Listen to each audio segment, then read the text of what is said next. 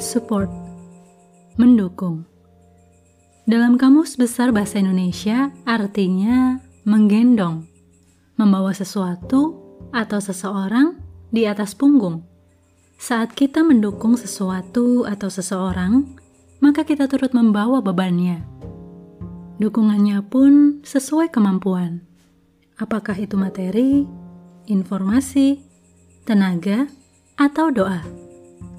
Supporter itu nggak selalu terlihat.